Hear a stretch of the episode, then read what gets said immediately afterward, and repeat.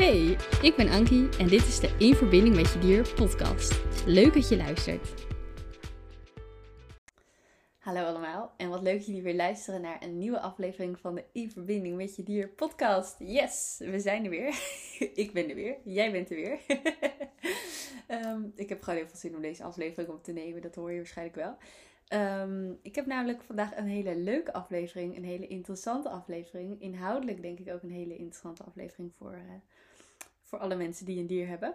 Voor alle dierenliefhebbers die zich uh, nou ja, meer in verbinding willen voelen met hun dier. Of de verbinding met hun dier willen verbeteren. Um, en ik heb zelfs een primeur, want dit is de allereerste keer dat ik iets op papier heb gezet voor de aflevering. Normaal gesproken dan uh, komt er een onderwerp in mijn hoofd. Dat gebeurt vaak heel spontaan. En dan ga ik zitten en dan neem ik het op. En als ik het, hè, neem ik de podcastaflevering op. En als ik het niet op dat moment op kan nemen, dan maak ik een spraakbericht voor mezelf. Stuur ik naar mezelf. Luister ik later terug op een moment dat ik denk, nu ga ik een podcast opnemen. En dan uh, weet ik weer waar ik het over wil hebben. En dan ga ik zitten, zet ik mijn microfoon aan en ik ga gewoon praten. En ik bereid nooit iets voor. Maar um, vandaag, nee, gisteren. gisteren uh, was ik aan het slapen en aan het dromen. En toen heb ik gedroomd over deze, dit onderwerp. Dat ik hier een podcast over moest maken.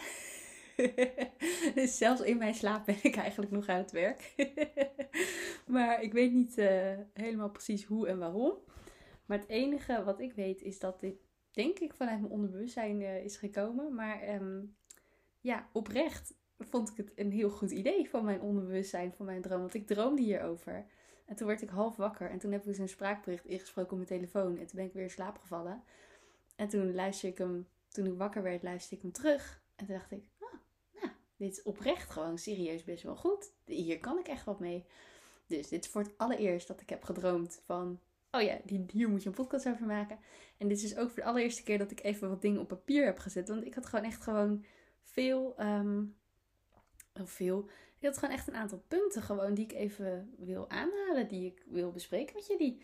Dus ik heb gewoon voor het eerst, aflevering 27, voor het eerst in 27 afleveringen heb ik iets op papier gezet. dus ja, ik moet een beetje lachen om mezelf.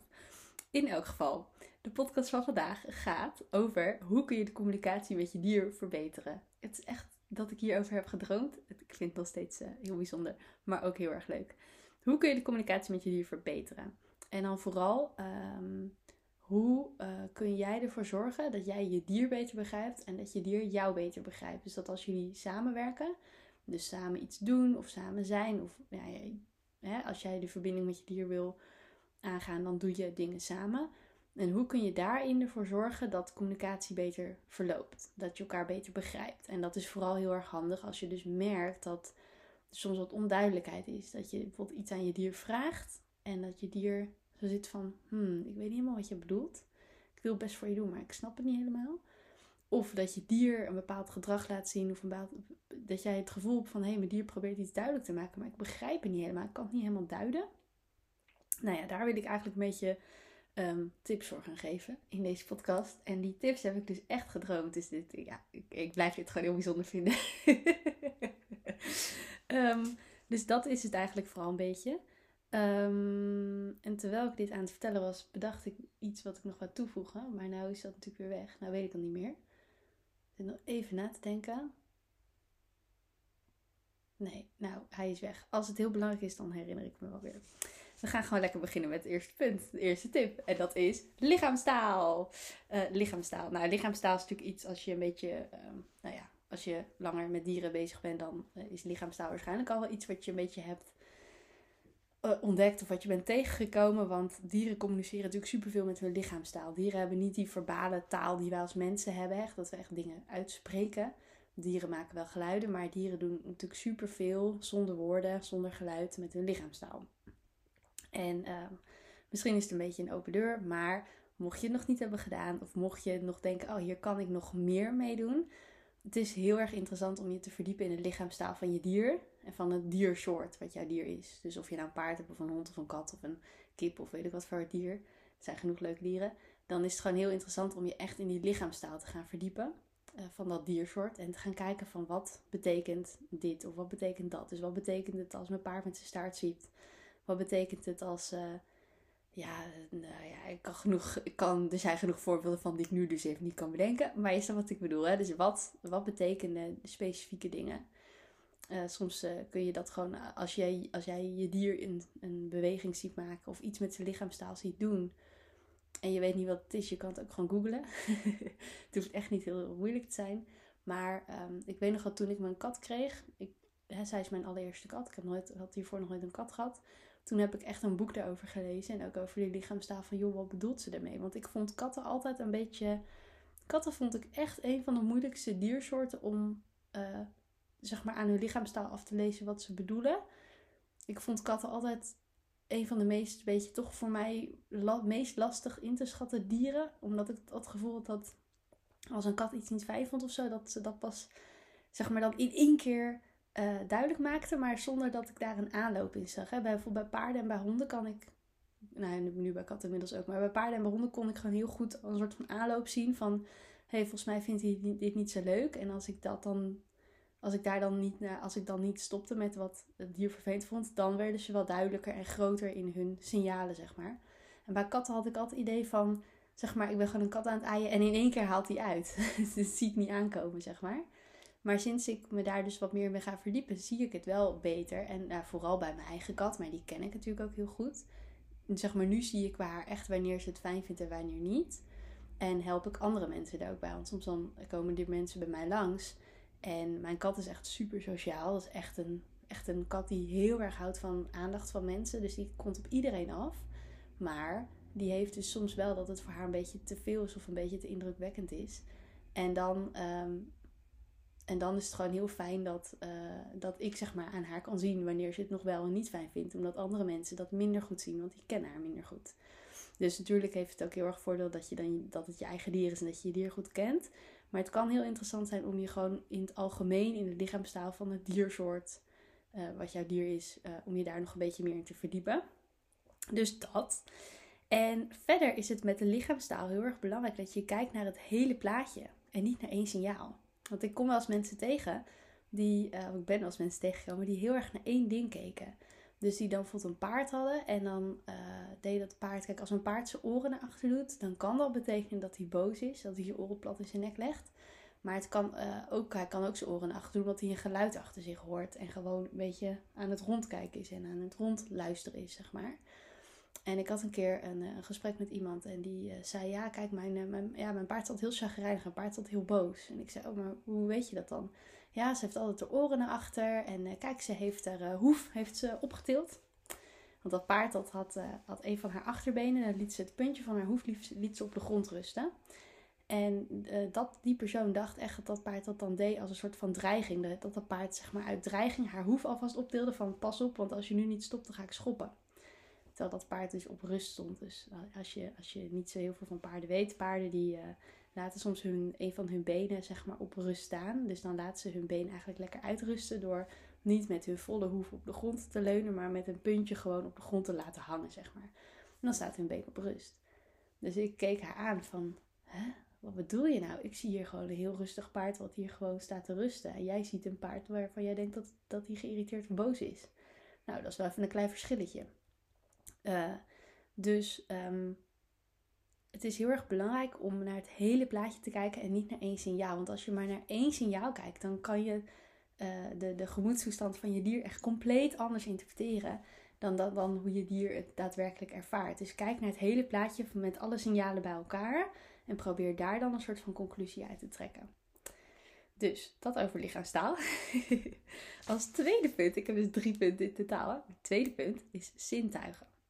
Gebruik je zintuigen bewust. Probeer je zintuigen zoveel mogelijk bewust in te zetten om je dier waar te nemen en om de situatie waar te nemen.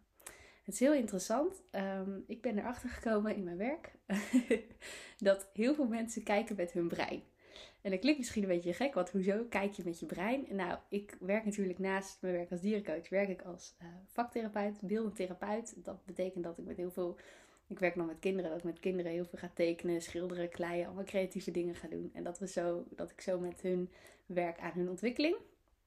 En um, Dat is even heel kort uitgelegd wat, uh, wat beeldende therapie is. Maar ehm, ik teken dus heel veel met mensen, met kinderen. En uh, wat ik heel vaak merk, maar ik merk het ook bij volwassenen, is dat ze heel erg tekenen als ze iets gaan natekenen. Dus je hebt een voorbeeld, stel, zie je voor je hoe dat er zo'n fruitschaal op tafel staat. Zo'n klassiek voorbeeld van zo'n fruitschaal, dat je dan zo'n fruitschaal na gaat tekenen of schilderen. Nou, doe ik dat nooit, maar hè, zo, dit, is even, dit is even het voorbeeld, dit even ter illustratie. Uh, heel veel mensen, op het moment dat ik dat zou doen en dat ik een fruitschaal neer zou zetten en zou zeggen, teken maar na. Heel veel mensen tekenen niet wat ze zien, ze tekenen wat ze denken te zien. Ze tekenen wat ze, hoe ze denken dat het eruit hoort te zien. En uh, dat is denk ik met heel veel waarnemingen zo. is niet alleen zo bij tekenen, het is in het algemeen. Wij nemen heel erg waar wat we denken, in plaats van wat we daadwerkelijk waarnemen. En in podcast, ik meen uit mijn hoofd 22, heb ik, ik heb een podcast opgenomen die heet Het is een kwestie van perceptie. En daarin, uh, nou dat heeft eigenlijk heel erg raakvlak met wat ik nu vertel. Namelijk hoe jij denkt over de wereld, is eigenlijk ook heel erg hoe je hem waarneemt. En hoe je hem waarneemt beïnvloedt ook heel erg je manier van denken. Dat is een tweeledig uh, proces, zeg maar. Dat beïnvloedt elkaar van beide kanten. Maar um, je, je gedachten, hoe jij ergens over denkt, heeft heel veel invloed op hoe jij een situatie ervaart en interpreteert en waarneemt. En dat is dus ook zo met je dier. Want dat is waarom ik dit eigenlijk aan het vertellen ben. Ik ben wat aan het dwalen over fruitschalen. Uh, wat, wat, dit is eigenlijk ook zo met je dier. Dus op het moment dat jij je dier bepaald gedrag ziet vertonen, hè, dat jij denkt, oh volgens mij wil mijn dier iets duidelijk maken, maar ik snap niet wat hij bedoelt, dan um, mag je ervoor waken, want dat is denk ik een hele grote valkuil uh, van mensen, um, dat je, en misschien ook wel van mezelf hoor, dus niet, uh, ik bedoel niet kritiek, maar meer als van, oh let, let, er, let erop, gewoon als tip Um, je mag ervoor waken dat je dan met je eigen gedachten, je eigen waarnemingen, je eigen interpretaties het gedrag van je dier um, gekleurd waarneemt. Dus hè, een dier kan bepaald gedrag laten zien. En dan kun jij denken, ja, maar dat doet hij omdat hij geen zin heeft. Of omdat hij lui is. Of omdat hij dom is. Of omdat hij moe is. Of weet ik wat. Dan kun je daar een hele uitleg aan geven. Maar dan is dat niet wat er feitelijk gebeurt. Ik heb eens een keer uh, een, uh, een, meisje gehad waarmee ik werkte. En uh, ik gaf haar coaching met een aantal paarden die ik verzorgde. En nam elkaar dan mee naartoe. Uh, dat was een kudde van vijf paarden. Dat is echt super lieve paarden. Was heel leuk om te kunnen doen. Maar dat meisje was een meisje met autisme. En dat meisje die um, was ook heel erg aan het kijken wat zij... Kijken met haar brein, zeg maar. Kijken vanuit haar hersenen. Want uh, ik weet nog een keer dat die paarden kwamen aanlopen. Die kwamen naar ons toe. En ik vroeg aan haar, wat zie jij? En zei ze, ja, ik zie dat dat paard... Uh, nou, dat paard is wel vrolijk. Dat paard ziet er moe uit. Dat paard is chagrijnig. Zo wees ze rond. En ik zei, dat was niet goed, goede poging voor jou, maar dat was eigenlijk niet wat ik vroeg. Ik zei, wat zie je en niet wat denk jij te zien? Want op het moment dat jij denkt, oh dat paard dat ziet er moe uit, oh dat paard dat is vrolijk, oh dat paard is chagrijnig. Dan heb jij signalen gezien en die heb je geïnterpreteerd. En eigenlijk geef je dan een, een weergave van wat je denkt, maar niet van wat je ziet. Want toen ik dus ging doorvragen, bleek dat zij zag van, oh dat ene paard dat ziet er een beetje moe uit omdat, nou ja, ze zag iets aan dat paard. Of, oh, dat paard ziet er een beetje chagrijnig uit, want hij heeft zijn oren naar achter. Oh, dat paard ziet er wel vrolijk uit, want oh, die heeft zijn oren naar voren en die kijkt, uh, kijkt met open ogen. En die schudt een beetje met zijn hoofd, weet je wel zo. Dus um, het is heel erg belangrijk om echt te kijken. Als je dan kijkt, hè, we hebben het over zintuigen, maar specifiek over kijken, om te kijken met je ogen. In plaats van met je brein. Dus probeer eigenlijk, um, als je iets ziet, dan signaleer je het. En dan zie je een, een signaal of een lichaamstaal of iets van wat je dier doet. Of iets van wat je dier met zijn lijf doet. Dan zie je dat. En dan zie je het. En dan ga je dus niet denken, wat betekent dit? Nou eigenlijk zei ik dat net wel in de eerste stap van... hé, hey, dan kun je dus gaan kijken wat betekent die lichaamstaal. Nou, dat kun je dus later doen. Maar probeer eerst gewoon alleen te kijken en je ziet het en that's it. Je hoeft er niet direct iets mee te doen. Je hoeft het niet direct te interpreteren. En daarbij is het dus ook heel leuk om al je zintuigen in te zetten. Dus niet alleen het kijken, maar ook het luisteren naar je dier. Van hé, hey, wat voor geluiden maakt mijn dier? Uh, wat voor. Uh, uh, je hoort waarschijnlijk ook of je dier bijvoorbeeld snel loopt of langzaam loopt. En zeker bij paarden kun je dat natuurlijk heel goed horen. Maar ook om te ruiken en te voelen en misschien zelfs wat te proeven. Ik weet niet, het hangt er misschien een beetje van de situatie af. Maar ik probeer meer te zeggen van probeer gewoon al je zintuigen in te zetten zodat je zoveel mogelijk informatie op kunt doen, eigenlijk uit de situatie. En zoveel mogelijk signalen van je dier goed kunt, goed kunt waarnemen. Dus je hoeft nog niet te interpreteren, maar het eigenlijk alleen maar waarnemen. Zo hou je het eigenlijk zo breed en objectief mogelijk. En kun je zo'n goed mogelijk beeld maken van hé, hey, wat doet mijn dier nou precies? Zodat je later kunt gaan uitzoeken wat bedoelt mijn dier nou mee. Wat bedoelt mijn dier nou mee? en wat ook het leuke is, door je zintuigen in te zetten, word je eigenlijk heel bewust van. Zeg op het moment dat je heel erg let op je zintuigen, ben je eigenlijk heel erg in het nu. En kom je een beetje uit je hoofd, uit het denken. Kom je meer met je aandacht in het nu. En kun je je ook beter gaan inleven in de waarneming van je dier. En dus als jij in een situatie met je dier komt, ik heb het vaak in situaties met mijn dieren waarin er heel veel prikkels zijn. Dus bijvoorbeeld als ik uh, wandel op straat met de hond van mijn ouders, dat is echt een super lief dier, maar hij is heel gevoelig voor prikkels. Hij raakt ook heel snel overprikkeld. Hè. Zijn emmertje raakt dan heel snel vol. Uh, met zijn emmertje bedoel ik een, niet een letterlijk emmertje, maar figuurlijk, spreekwoordelijk emmertje van uh, een spanning, zeg maar. Dat bij hem spanning heel snel opbouwt door allerlei prikkels. En als dat emmertje bijna vol is en er gebeurt nog één ding, dan kan hij in één keer helemaal overprikkeld raken, zeg maar. Um, maar als ik bijvoorbeeld met hem op straat uh, loop, en ik heb trouwens ook met, met ons paard Anka, als ik daar bijvoorbeeld mee ga wandelen. Uh, ik heb wel eens met haar gehad dat ik ging wandelen met haar. Onderbreek even mijn voorbeeld van, van de hond van mijn ouders. Ik ga even door naar mijn paard. Omdat ik dit een beter voorbeeld vind. Um, op moment dat ik, ik heb wel eens gehad dat ik met haar ging wandelen. En dat we onderweg al een aantal dingen tegen waren gekomen die ze wel een beetje spannend vond. Maar waar ze gewoon, ze ging gewoon verder, ze liep gewoon door. En toen in één keer, want we lopen dan uh, uh, langs weilanden. En in één keer stond er in een weiland stond er een aanhanger. Nou is Anka helemaal niet bang voor aanhangers. Ik vind aanhangers prima, normaal. Maar deze aanhanger stond daar nooit. Dus het was anders dan anders. En dat was voor haar zeg maar de spreekwoordelijke druppel die de emmer deed overlopen. Want in één keer bleef zij stokstijf staan en durfde ze niet langs een aanhanger. En toen zat ik echt te kijken van, waarom durf je niet langs een aanhanger? Het is een aanhanger gewoon een karretje achter een auto. Ja, dat staat daar. Dat, beweegt niet eens. Hoezo vind jij dit eng? Maar toen ging ik even terug redeneren. En dacht ik, oh ja, maar daarvoor waren er al wel drie, vier, vijf dingen geweest. Die ze ook een beetje spannend vond. Maar waar ze gewoon heel lief en heel dapper was doorgelopen. Dus toen dacht ik, oh, het heeft niks te maken met de aanhanger. Maar die aanhanger is dan de spreekwoordelijke druppel. Die de emmer met spanning, opgebouwde spanning, een beetje doet overlopen. Dus uiteindelijk is het allemaal goed gekomen en is ze rustig langs die aanhanger gelopen. Maar ze had even tijd nodig om daar langs te durven. Omdat waar die spanning zo hoog was opgelopen. Um, waarom was ik dit aan het vertellen? Oh, ik had het over inleven in de waarneming van je dier. Nou, in zo'n situatie uh, is het dus heel erg interessant. Omdat je dus dan zo mee bewust met je zintuigen aan het waarnemen bent. Kun je dan ook bewust met je zintuigen gaan kijken van... Oké, ik neem dit waar bij mijn dier... En ik neem dit waar in deze situatie, in deze omgeving. Dus dan kun je ook beter voorstellen hoe het is voor je dier. Want kijk, die dieren van ons, die nemen nog veel meer waar met hun zintuigen. Veel bewuster waar met hun zintuigen dan wij mensen. Hun zintuigen zijn ook gewoon nog 30, 10, 30, 100 keer beter dan ons. Ik bedoel, honden kunnen veel beter ruiken. Paarden kunnen veel, ja, die kunnen ook veel beter ruiken dan mensen. Maar die kunnen ook nog veel beter horen. Ja, honden trouwens ook. Wat ben ik al aan het zeggen? ik ben niet aan het zeggen en dan denk ik, oh maar wacht, het klopt niet helemaal. Ik zit gewoon heel enthousiast in mijn verhaal, sorry jongens. Um, dieren hebben gewoon veel sterkere zintuigen dan wij. Zijn daarin nog veel beter. Ik, heb, ik meen me te herinneren dat ik een keer heb gelezen dat paarden een, een geluid van, uh, weet ik wat, een dier dat ritselt in de bosjes, kunnen zij op een kilometer afstand horen. Nou, wij horen dat misschien als het uh, een paar meter bij ons vandaan is, weet je ja, dieren hebben gewoon een veel sterkere uh, zintuigelijke waarneming dan wij mensen.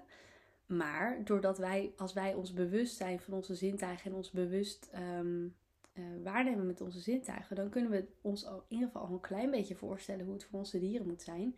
En dan kun je je dier ook beter begrijpen in bepaalde situaties. Als hij dus bijvoorbeeld iets eng vindt of als al die prikkels bij hem veel te veel worden en je dier helemaal uh, ontploft, zeg maar dan, weet, dan kun je het je voorstellen. Want dan denk je, oh ja, voor jou moet het nog veel meer zijn dan voor mij. Want jij neemt nog veel meer waar dan ik. Jouw hersenen hebben nog veel meer prikkels te verwerken dan ik. Dus dat is gewoon hè, bewust waarnemen met je zintuigen helpt uh, om zoveel mogelijk informatie op te doen. En om uh, uh, zoveel mogelijk signalen van je dier op te vangen. Maar ook om je dier eigenlijk beter te begrijpen in bepaalde situaties. Dus dat. en dan gaan we naar punt 3. Ik vind echt, oh, ik heb gewoon bijna een structuur in de podcast vandaag. Um, punt 3 is intuïtie.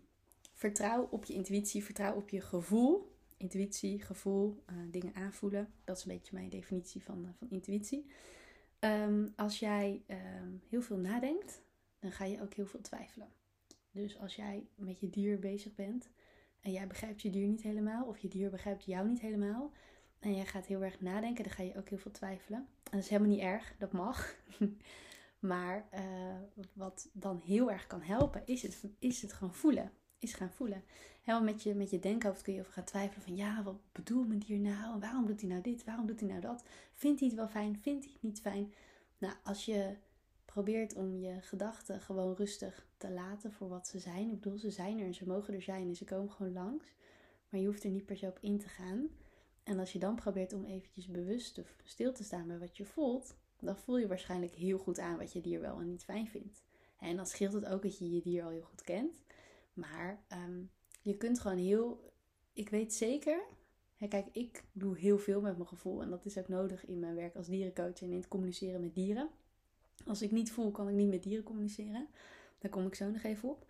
Um, maar ik weet gewoon zeker dat iedereen kan dit. Iedereen kan zo uh, intunen op zijn gevoel en die verbinding daarmee sterker maken.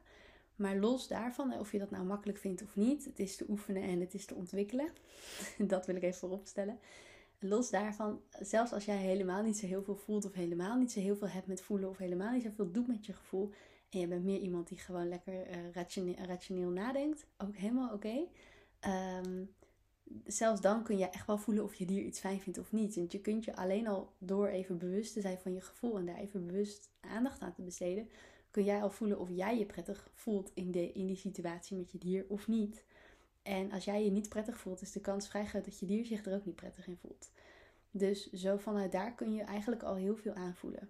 En als je echt goed in je gevoel zit, dan kun je zelfs signalen telepathisch van je dier opvangen, die je dier uitzendt naar jou. Want dieren proberen eigenlijk nou, ik denk bijna altijd wel dingen naar ons te sturen, zeg maar, aan signalen.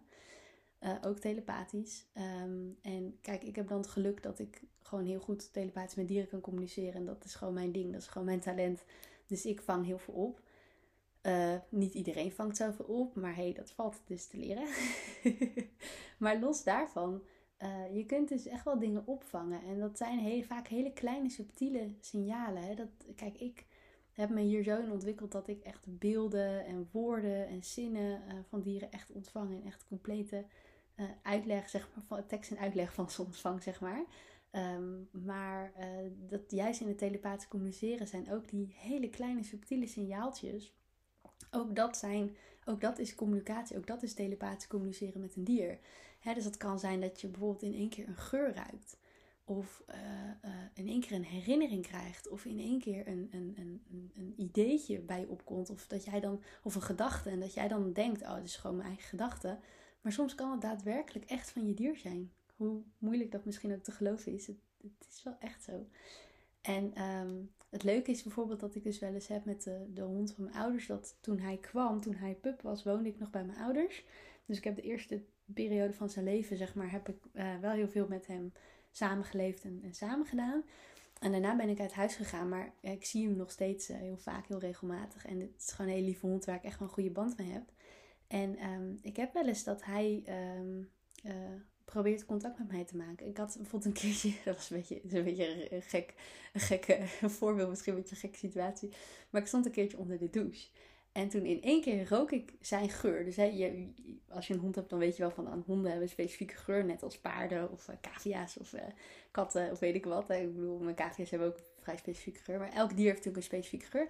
Maar in één keer rook ik echt zo'n echt zo'n typische hondengeur. En toen dacht ik echt, hoe kan dat nou? Want ik heb nu geen hond. Dus die, geur kon niet zijn van dat ik daadwerkelijk een hond om me heen had. Maar ik rook die geur en dat was een, een signaal van hem van... Hey Ankie, ik probeer even contact met jou te maken, want ik moet even iets aan je vragen. Ik wil even een, een uitleg, want hij had een bepaalde situatie waar hij wat vragen over had, wat hij even met mij wou bespreken. Dus um, ja, zo kan dat gaan. uh, dus soms dan zijn er gewoon hele kleine subtiele signalen die dieren naar ons uh, versturen, zeg maar. Waar, waarvan ze hopen dat wij het oppikken. En het kan dus best zijn dat op het moment dat jij meer in je gevoel komt, dat je ook meer van dat soort kleine signaaltjes gaat oppakken, oppikken. Dus daar moet je maar eens op letten. Als je het leuk vindt, het hoeft niet. Als jij denkt, nou, ik vind het allemaal maar een beetje vaag en ik heb hier niks mee, dan doe je er niks mee. Ook goed. Ehm, en je kunt ook, om nog even door te gaan op, uh, dus zelfs dat je misschien dingen van je dier ontvangt, je kleine signaaltjes of informatie van je dier ontvangt, zo kun je ook oefenen met het versturen van signalen naar je dier. Wat, veel mensen, wat voor veel mensen een redelijk makkelijke manier is, is om plaatjes naar je dier te versturen. En sommige mensen zeggen dan, ja, maar Anke, ik ben geen beelddenker en ik kan het niet voor me zien. Nou, het hoeft niet, maar je mag het proberen. uh, wat je kunt doen is, als jij bijvoorbeeld iets van plan bent met je dier, dus stel je hebt een hond en jij denkt, nou, ik wil met mijn hond gaan wandelen, is dat nog voordat je actie gaat ondernemen en gaat wandelen, dat je bijvoorbeeld voor je ziet dat jij naar de deur loopt, je jas en je schoenen aantrekt, je riem pakt, nu je hond roept en je hond aanlijnt en naar buiten stapt. Dan kun je je ogen dicht doen en je kunt dat voor je zien. En je kunt je dat voorstellen. En op dat moment uh, kun je dus ook heel sterk aan je hond denken. En op dat moment kun je er echt, je kan er gewoon van uitgaan. Je kan erop vertrouwen, want dat is hoe telepathisch communiceren werkt. Dat jouw hond die uh, signaaltjes ontvangt.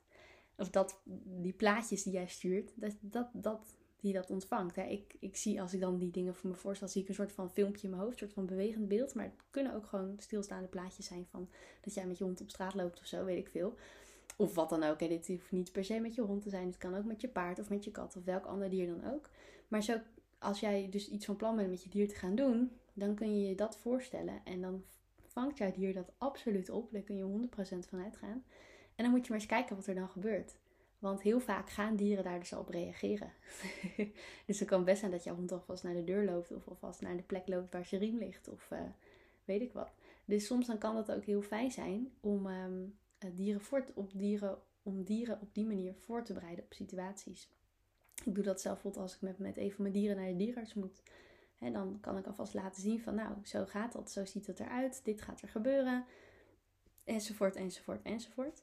Dus als je het leuk vindt, als je het interessant vindt, dan kun je hier eens mee experimenteren en oefenen en kijken wat je dier, uh, hoe je dier erop reageert, of je dier erop reageert. Ik denk dat dieren er altijd op reageren, maar soms reageren ze echt heel duidelijk. Door, dus bijvoorbeeld als je, uh, als je die voorbeeld van ik ga met mijn hond wandelen, dus ik ga het alvast uh, een plaatje naar mijn hond sturen dat we zo gaan wandelen. Dan kan het natuurlijk een heel grote, duidelijke reactie, bijvoorbeeld als je hond dan naar de deur loopt. Maar het kunnen ook hele kleine signaaltjes zijn. Dus dat is misschien wel leuk om gewoon mee te, te experimenteren en te oefenen. En op die manier kun je dus ook. Uh, je kan ook algemene boodschappen naar je dier sturen. Dus bijvoorbeeld als jij je dier wil laten voelen hoeveel jij van hem houdt. Dan kun je dat, kun je dat ook voorstellen. Of je kan ook die woorden, ik hou van jou, kun je ook naar je dier uh, sturen. In plaats van een plaatje. Dus um, ja, klinkt misschien een beetje vaag, maar als je het interessant vindt, en ik weet zeker dat er mensen luisteren die het interessant vinden, uh, ga hier gewoon rustig mee experimenteren. Ga gewoon kijken wat je ermee kan. En als je er nog vragen over hebt, mag je me altijd een berichtje sturen. Dan help ik je met liefde verder. Um, maar ik wou nog heel even terugkomen op dat ik net zei, hè, toen ik begon over intuïtie en gevoel. En dat je daar dus op mag vertrouwen en dat je dus mag voelen. Toen zei ik, als ik niet voel, kan ik niet met dieren communiceren. En dat heb ik aan de lijf ondervonden, helaas. dat was iets minder leuk. Ik heb een periode gehad in mijn leven, een paar maanden, dat ik even niet zo goed in mijn vel zat. Dat er heel veel dingen omheen gebeurden. Dat ik vet veel stress had. Dat ik me gewoon echt even heel naar voelde. En um, toen sloot ik me af voor mijn gevoel. Want al het gevoel was zo overweldigend en zo naar. Dat ik gewoon. Het, het, was niet eens een keuze, zeg maar. Het was niet eens een bewuste keuze dat ik dacht: ook oh, ga me afsluiten voor mijn gevoel. Maar het was gewoon meer een soort van. Het gebeurde. En ik, misschien was het wel een soort van beschermingsmechanisme van mezelf. Om mezelf een beetje te beschermen tegen al die nare gevoelens. Sloot ik me ervoor af. Dus ik voelde het niet. Hè. Normaal gesproken, als je deze podcast al vaak hebt geluisterd. Dan weet je dat ik altijd zeg van voel wat er te voelen valt. Ik ben altijd heel erg voorstander om al je gevoelens te voelen. Ook de nare dingen. Want juist als je ze voelt, dan kun je ze weer loslaten.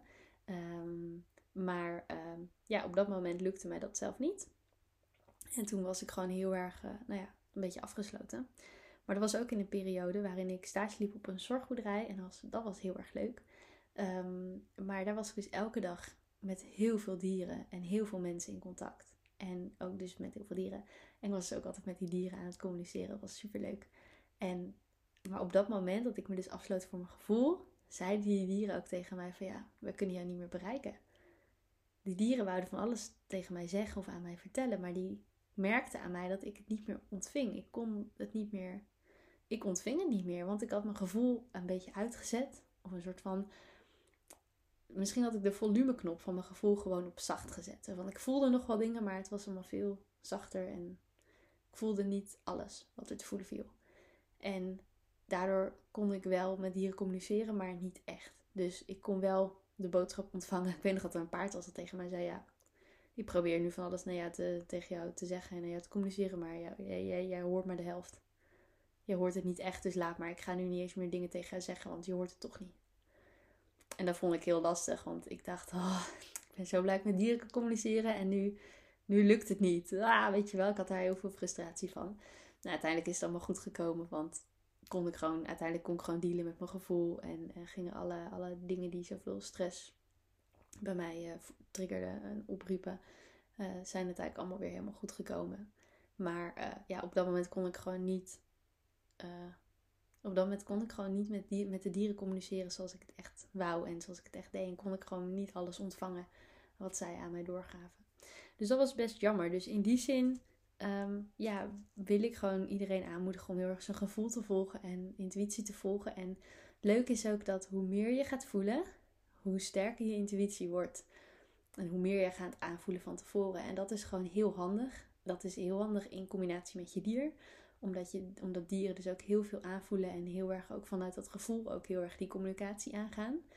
Dus je zult merken dat op het moment dat jij je intuïtie steeds sterker ontwikkelt. dat is echt een spier die je gewoon kunt trainen. Zeg maar, hoe vaker je dingen aanvoelt, hoe beter je het gaat aanvoelen en hoe makkelijker het gaat. En hoe, het is echt een spier die steeds sterker wordt, zeg maar.